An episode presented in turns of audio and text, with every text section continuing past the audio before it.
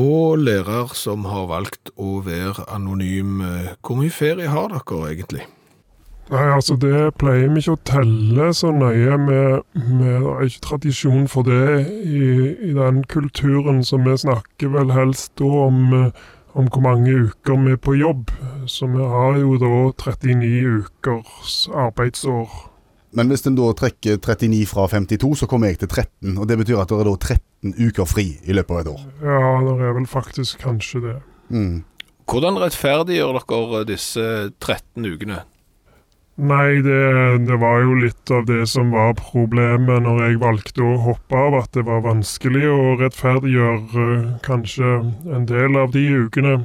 Men det er jo da avspasering, det som er utover de fem som er normal ferie. OK, Eh, da tenker jeg at skal du da ta ut åtte uker avspasering, så må du da i løpet av det samme året ha jobba åtte uker overtid. Ja, det er jo 1685 arbeidstimer i et lærerårsverk som skal fordeles på de 39 ukene. Så det betyr at en lærer skal jobbe fra åtte til syv minutter over halv fem hver dag. For å rettferdiggjøre den avspaseringen? Ja. Er din erfaring at dette skjer? Nei, det er vel ehm, det er vel ikke det. Alle som bor ved siden av en skole vet at det ikke er biler igjen på parkeringsplassen når klokken blir tre.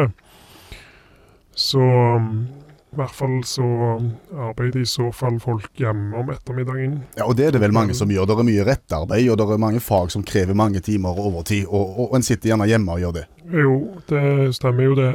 Men hvis du går hjem halv tre, sånn som de fleste lærere da kanskje gjør, så har du to timer og syv og et halvt minutts arbeid hver kveld som du skal gjøre. Og um, hvis du da har f.eks. familie, eller kanskje en hobby, kanskje du synger i kor, sånn som veldig mange lærere gjør, så havner du fort bakpå hvis du skulker unna de to timene en dag. Og da samler det seg opp en, en negativ avspasering, nesten?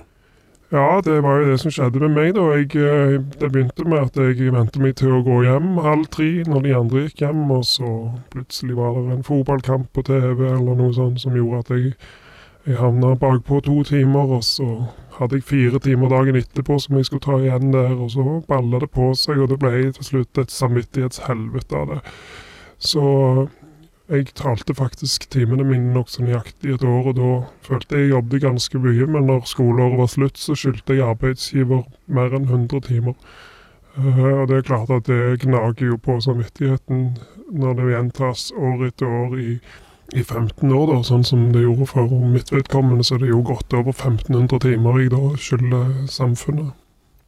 Hvordan har du opplevd å, å gå hjem fra jobb uh, i halv fire-tida f.eks., i stedet for i halv tre-tida? Ja, nei, det har jo hendt en sjelden gang at man blir sittende over.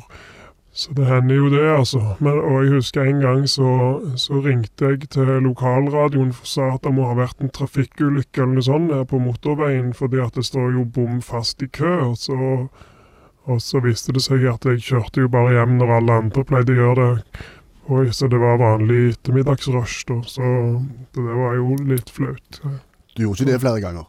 Nei.